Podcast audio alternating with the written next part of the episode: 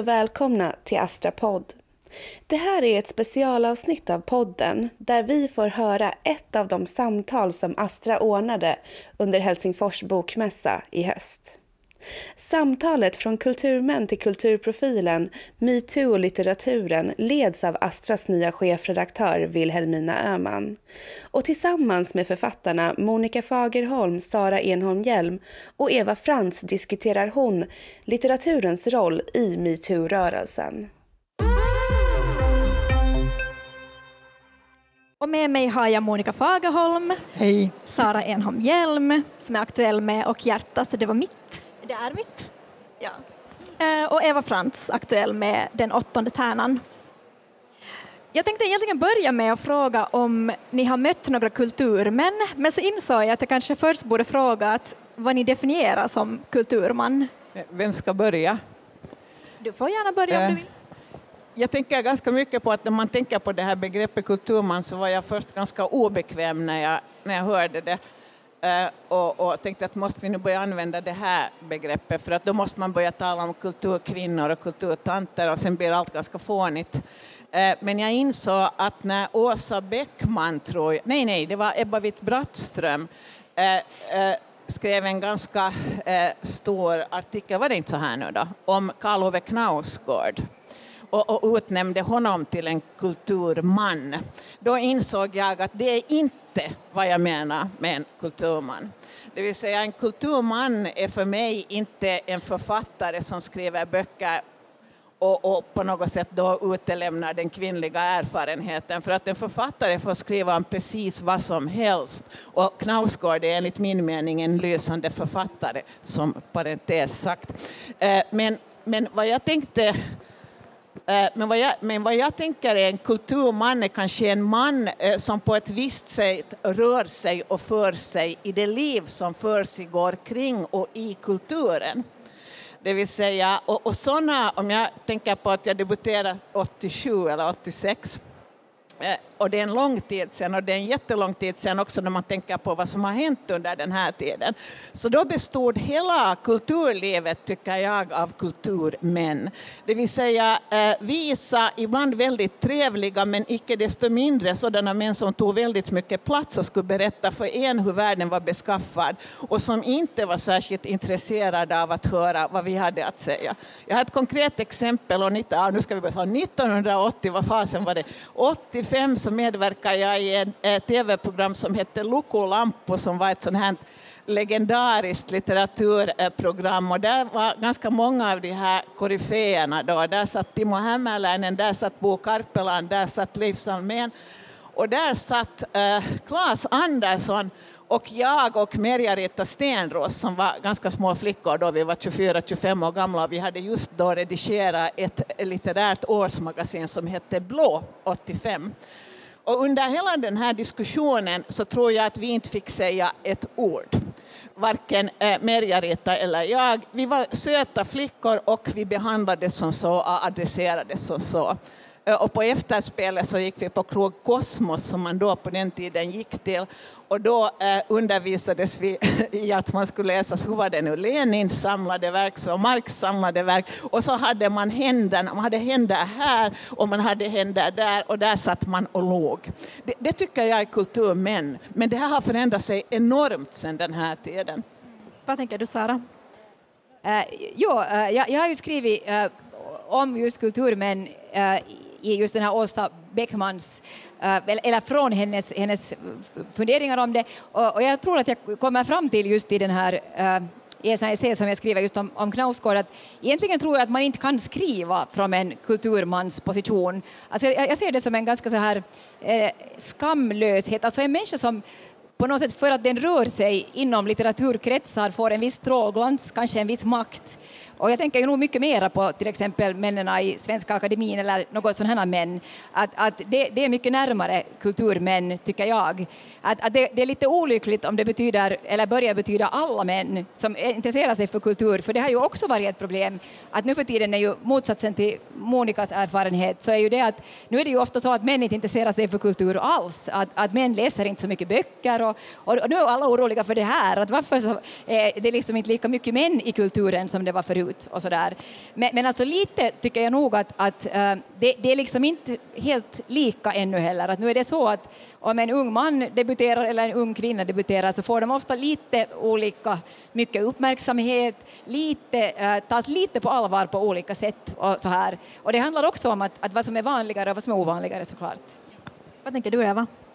Ja, jätteintressant att höra. Eh, jag, jag, har ju liksom kanske mera erfarenhet av mediemän än av kulturmän. Jag bara, det är två år sedan jag debuterade litterärt så att jag kanske mera rört mig i den massmediala världen och, och jag, de är nog kanske lite av samma skrot och korn så svar på din första fråga är ja, jag har eh, haft eh, möten med personer av det här slaget. Um, ja, eh, de saker jag kommer att tänka på av kulturmän. Begreppet är ju förstås Lena Anderssons egenmäktigt förfarande. Där har vi en no, någorlunda fiktiv men också ganska verklig kulturman som är hans normalläge att vara uppburen och det är på något sätt det som, som styr hans väsen. Så det är kanske det första jag tänker på, att där har vi nu liksom ett praktexempel.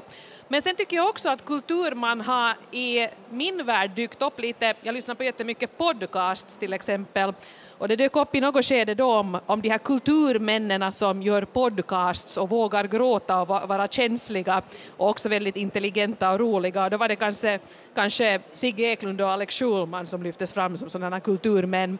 Så jag kan nog köpa dem också som, som kulturmän. Men jag har nog inte liksom en en entydigt negativ bild av kulturmannen. Jag tror nog att det kan finnas riktigt hyvens personer i det där gänget också. Uh, Sara, du skriver vid ett ställe i din essäsamling att är den stora skadan som kulturmän gjort mot kvinnor att kvinnorna inte, in, inte intresserar sig tillräckligt för sig själva och varandra. Jag tyckte det var en jätteträffande mening. Vill du lite utveckla? Uh, det här är väl kanske uh, också det att jag är liksom i en generation som är så här efter Monica men, men jag menar mycket äldre än, än er generation och där tror jag ju att er generation är mycket bättre på uh, att kvinnor intresserar sig för varandra, stöder varandra, eh, är, liksom umgås med varandra. Alltså, alltså, den här feminismen är på ett sätt väldigt stark nu men, men jag var ju liksom ung på eh, 80-talet och då var det ju inte riktigt så. Alltså feminismen var på något sätt, man tyckte den var lite överspelad, den var, liksom, den var redan gjord. Det var liksom, hela det här 70-talsfeminismen var väldigt långt borta. Det var sånt som ens mamma sysslade med. Det ville ingen ha någonting att göra med. Att, att, att, där tycker jag att er generation på ett sätt, ni har kunnat ta tillbaka, alltså ta, ta det bästa både från de här 70-talsfeministerna, liksom, de, de, de mödrarna och sen också på ett sätt ta den här mera uh, komplicerade uh, Eh, liksom strukturdiskussionen som ni också tar och, och så liksom att, att, man har fått flera. Men, men jag menar, nu var det ganska mycket så när jag var ung flicka att nu var det ju sådär att det som män gjorde var det intressanta.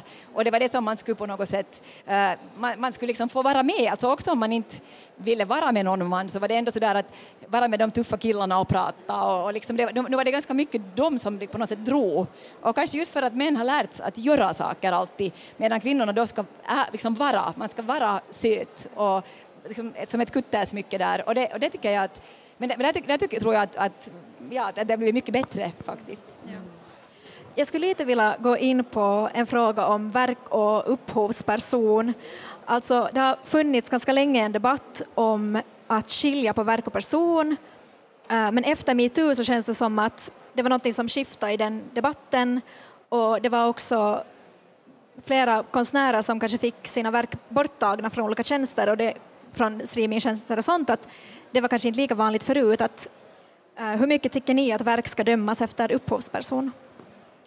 Det där är en, alltså en omöjlig fråga att svara på, men generellt, det generella svaret är ju helt klart nej, ett verk ska inte dömas enligt sin upphovsperson.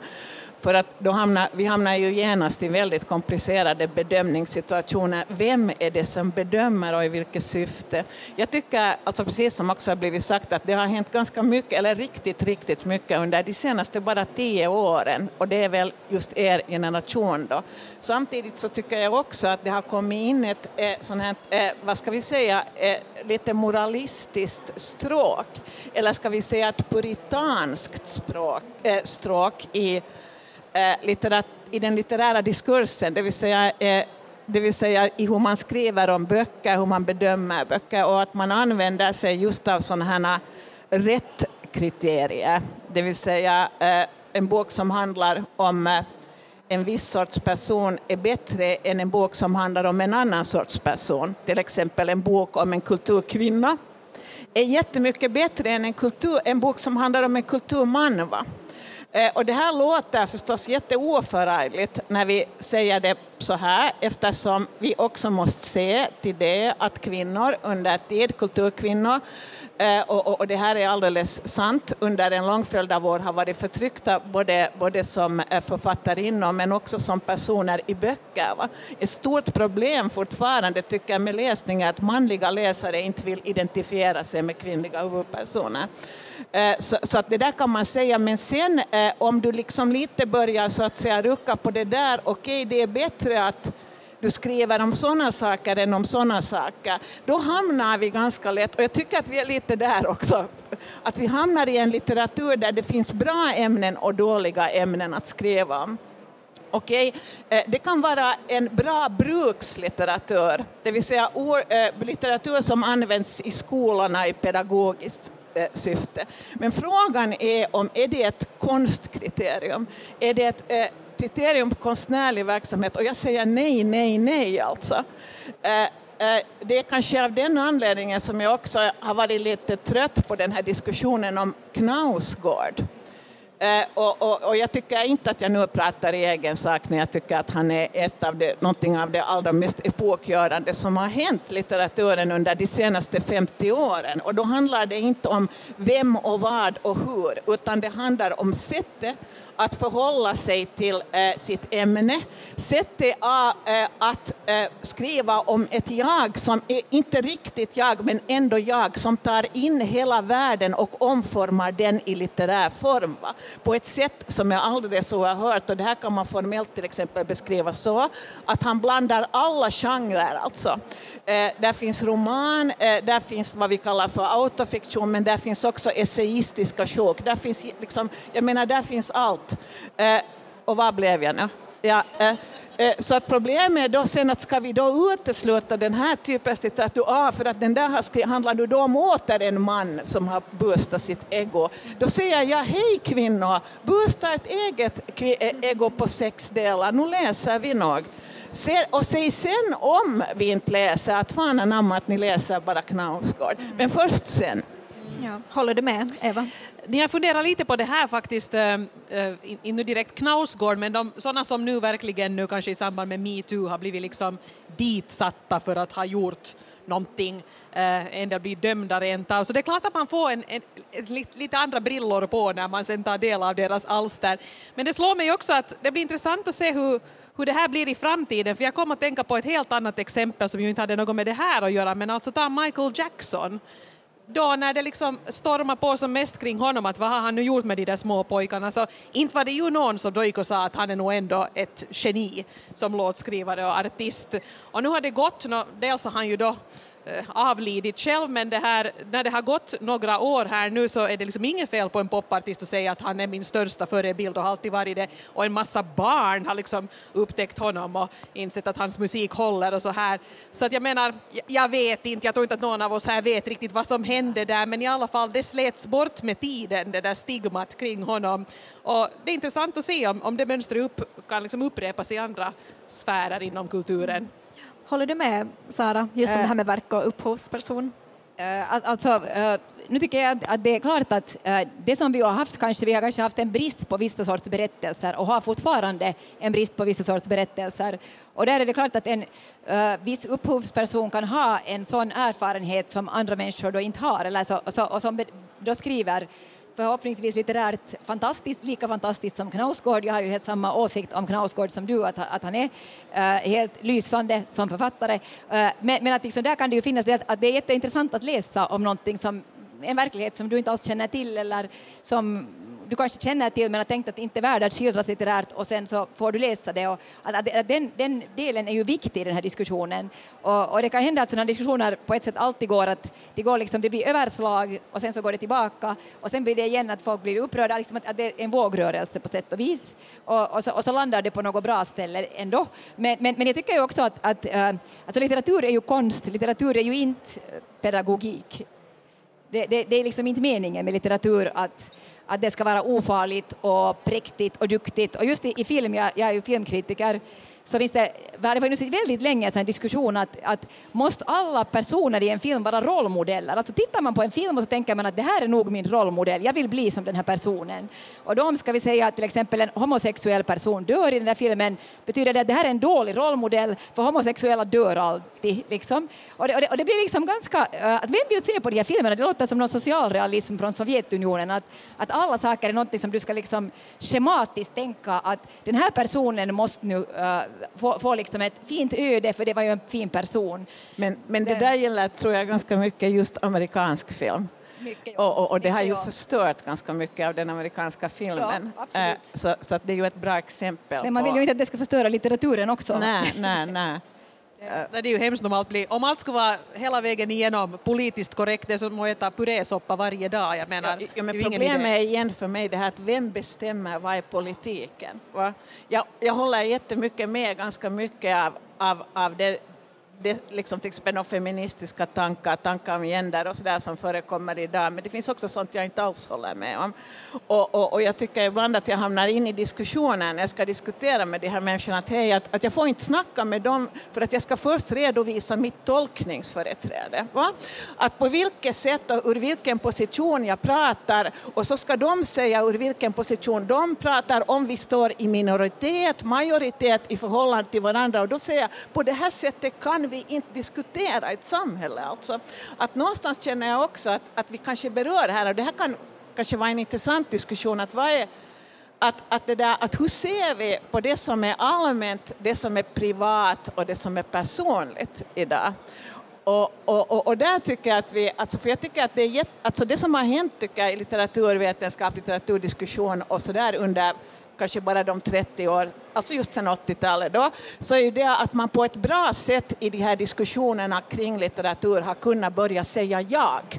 För att på 80-talet var det så att man sa det man och det är på det viset och det var då Pekka Tarkka eller någon som sa det att det var på det viset, alltså någon slags kulturman eller någon patriarkal makt. makt. Alltså, idag kan vi säga jättemycket ja, vi ska helst säga ja så att jaget kommer ut genom öronen. Och, och, och då tycker jag ibland liksom att, att, att här sker alltså en sån här sammanblandning mellan det som är personligt, privat och det som är ett jag som är det kommunicerande jaget ute i samhället, det som är med och debatterar. Som, och, och, och, där, och, och, där tycker jag nu att vi skulle kunna ha någonting att göra faktiskt idag och, och, och där skulle det kunna lyfta lite tak. Men kanske det här, och någonting tycker jag att det här berör metoo också faktiskt. måste bara säga att jag känner också faktiskt lite igen det där du beskriver Monica med det här att diskussionen ofta liksom urartar i att man börjar diskutera diskussionen istället för det som, som ämne berörde. Men jag tycker faktiskt att ett lysande undantag där var den finlandssvenska gruppen som skapades i, i koppling till metoo, alltså den här Dammen brister, den låsta gruppen. Där tycker jag faktiskt att Ja, jag vet inte att var det så att administratörerna satt och, och redigerade så, så svetten lackade, men jag tyckte att där var stämningen väldigt uppbygglig och väldigt konstruktiv och varm och på något sätt så här solidarisk. Och då, för mig åtminstone bevisar det att, att jo, man kan ha liksom feministiska diskussioner på den här nivån också.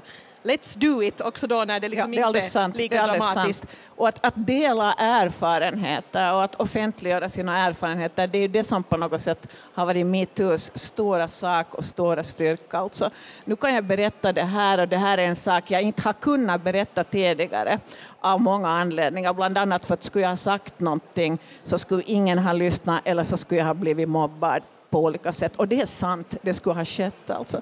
Men, men där är vi nu, liksom. och, och det är en intressant situation där vi nu är, för att vi är ett år senare.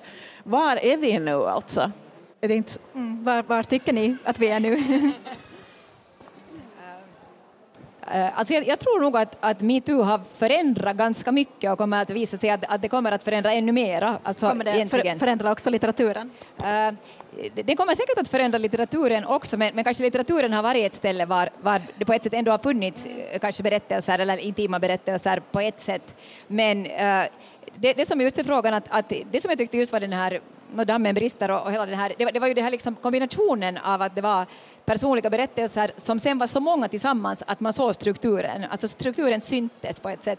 Och det, och det där är, alltså jag tycker ju att det där är på ett sätt, det var en ganska media, eh, det var just medier som massmedier som, som var just bra på det. Men, men, men nog litteraturen också. Men, men jag menar, eh, jag tycker också att, jag tycker man börjar märka liksom hur både män, äh, män skildrar kvinnor, kvinnor skildrar män. Jag tycker att nu märker man liksom redan i manuskripten nästan äh, som, som vi läser att det finns liksom viss skillnad och att man liksom funderar ett varv till kanske att hur man ska, men, men att äh, om det sen förändrar för gott, äh, det ingen aning, det, det, det är ju svårt att säga. Nej, alltså det är så intressant att du sa det där, för ja. det där var just det jag lite har undrat. Här har vi ett intressant ämne för någon litteraturstuderande om tio år, att gå tillbaka och titta hur skildrar män kvinnor och kvinnor män och hur skrev man sex i böcker åren efter metoo? Kan man märka liksom någon brytning där? Det vet jag inte, men det ska bli intressant att se. Har man skrivit jättemycket sex i finlandssvenska? Det alltid blir ett underligt glapp sådär om morgonen ja, ja. efter. Men jag förstår där. vad du menar. Ja. Tänker du Monica att metoo, eller hur tänker du att metoo kommer förändra? Det är ganska tidigt att säga vad den gör åt litteraturen, men jag tror förstås att den gör någonting åt litteraturen. Det är ju det där att det har faktiskt på, på något sätt på riktigt sprängts nu någon, någon vall liksom sådär, och det där, det finns liksom ingen återvändo från det. Jag tycker till exempel det att att, att det är klart att, att säkert kommer allt att mattas av, men det som inte kommer att mattas av är det att folk eller kvinnor kommer att fortsätta berätta sina erfarenheter. Va? För de har nu lärt sig att det är möjligt och sina upplevelser. Det där kommer att färga av sig. Det kommer att färga av sig förstås på diskussion, men också på vad som skrivs. Det är klart alltså. Sådär. Men vad var det vi skulle prata No, vi kan fast gå till en annan fråga som jag också har funderat på. Uh, jag funderar lite med att om ansvar är ett begrepp att fundera på när det kommer till uh, metoo och litteratur och har förlagen och recensenterna något ansvar där? Hmm. Alltså vad menar du? Menar du att, uh, att förlaget ska gå in och censurera eller Nej, alltså, vad, vad, menar du? Jag menar bara om, ja. om, om, om, ansvar, liksom, kan man, är det vettigt att fundera på det när det kommer till metoo och litteratur? Det, det är klart det är vettigt att, att allt, som, allt som handlar om alltså att när, när folk börjar med eh, säga jag Eh, Eh, så handlar det ju om att vi implicit förutsätter att den människan tar ett ansvar för sina ord. Va? Eh, men det är bara en implicit förutsättning, alltså någonting vi förväntar oss. För så där funkar det ju inte i världen just nu eftersom det där att säga jag eh, också har blivit någonting man inte tar ansvar för utan man har en agenda för det. Sådär. Så, så, det, så där tycker jag liksom att, att det där att, att vad det gäller till exempel litteratur och snack kring litteraturen så så tycker jag ju att författaren får göra vad den vill, men den ska ta, vara beredd att stå för det. Och jag ska berätta igen, eftersom jag nu är fast på Knausgård. Va? Så, eh, vad, vad Knausgård gjorde var att han, eh, i den där, han blev ju ändå sen åtalad, eh, men han, han kontaktade ju varje person som han hade, som han hade skrivit om i sin roman då. Och, och, och, och bara att du får läsa det här. Men det betyder inte att om den människan sa att hej, du får inte, du får inte ge ut det här, det betyder inte att han följde det där rådet, utan där eh, använder han sin egen, sitt eget övervägande, kan han stå för det här. Va? Det är det, det, det, det handlar om. Va? Uh, sen tycker jag det är igen det där samma som när vi börjar prata om politisk korrekthet, att vems politik, det vill säga vems etik ska vi följa? Det finns någonting som heter eh, god ton och sådana grejer, det är bra att tänka på. Men sen ska vi också tänka på att litteratur i sig är avklädande, avslöjande, gränsöverskridande. Jag kom plötsligt att tänka på romanen Lolita, va? Eh, ni vet, som är också en av mina favoritromaner som alltså handlar om, om, om den här, ni vet, mannen som eh, eh förför en eh, ung flicka och så far de på en odyssé genom Amerika. Jag tror att de tar leve av den där mamman också.